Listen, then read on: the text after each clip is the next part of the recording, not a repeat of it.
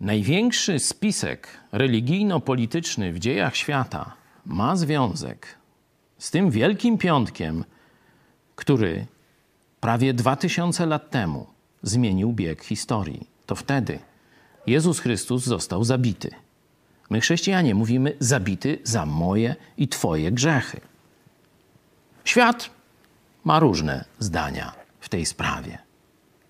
Władze tamtych czasów, zarówno religijna, jak i polityczna, bały się, że zapowiedź Jezusa, że zmartwychwstanie w jakiś sposób, zapewne przez kradzież czy inaczej się zrealizuje. Dlatego postawili straż i pieczęć rzymską.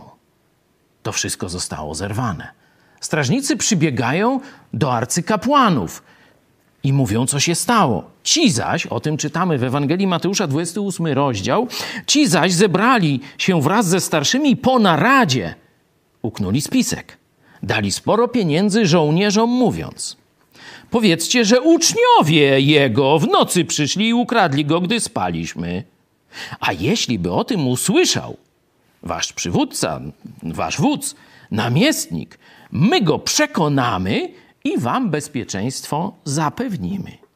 Wzięli więc pieniądze i postąpili tak, jak ich pouczono. I rozniosła się ta wieść wśród Żydów i nie tylko, aż po dzień dzisiejszy. Jeśli byś chciał skonfrontować fakty i poznać kulisy tego spisku, chętnie wyślę ci książkę.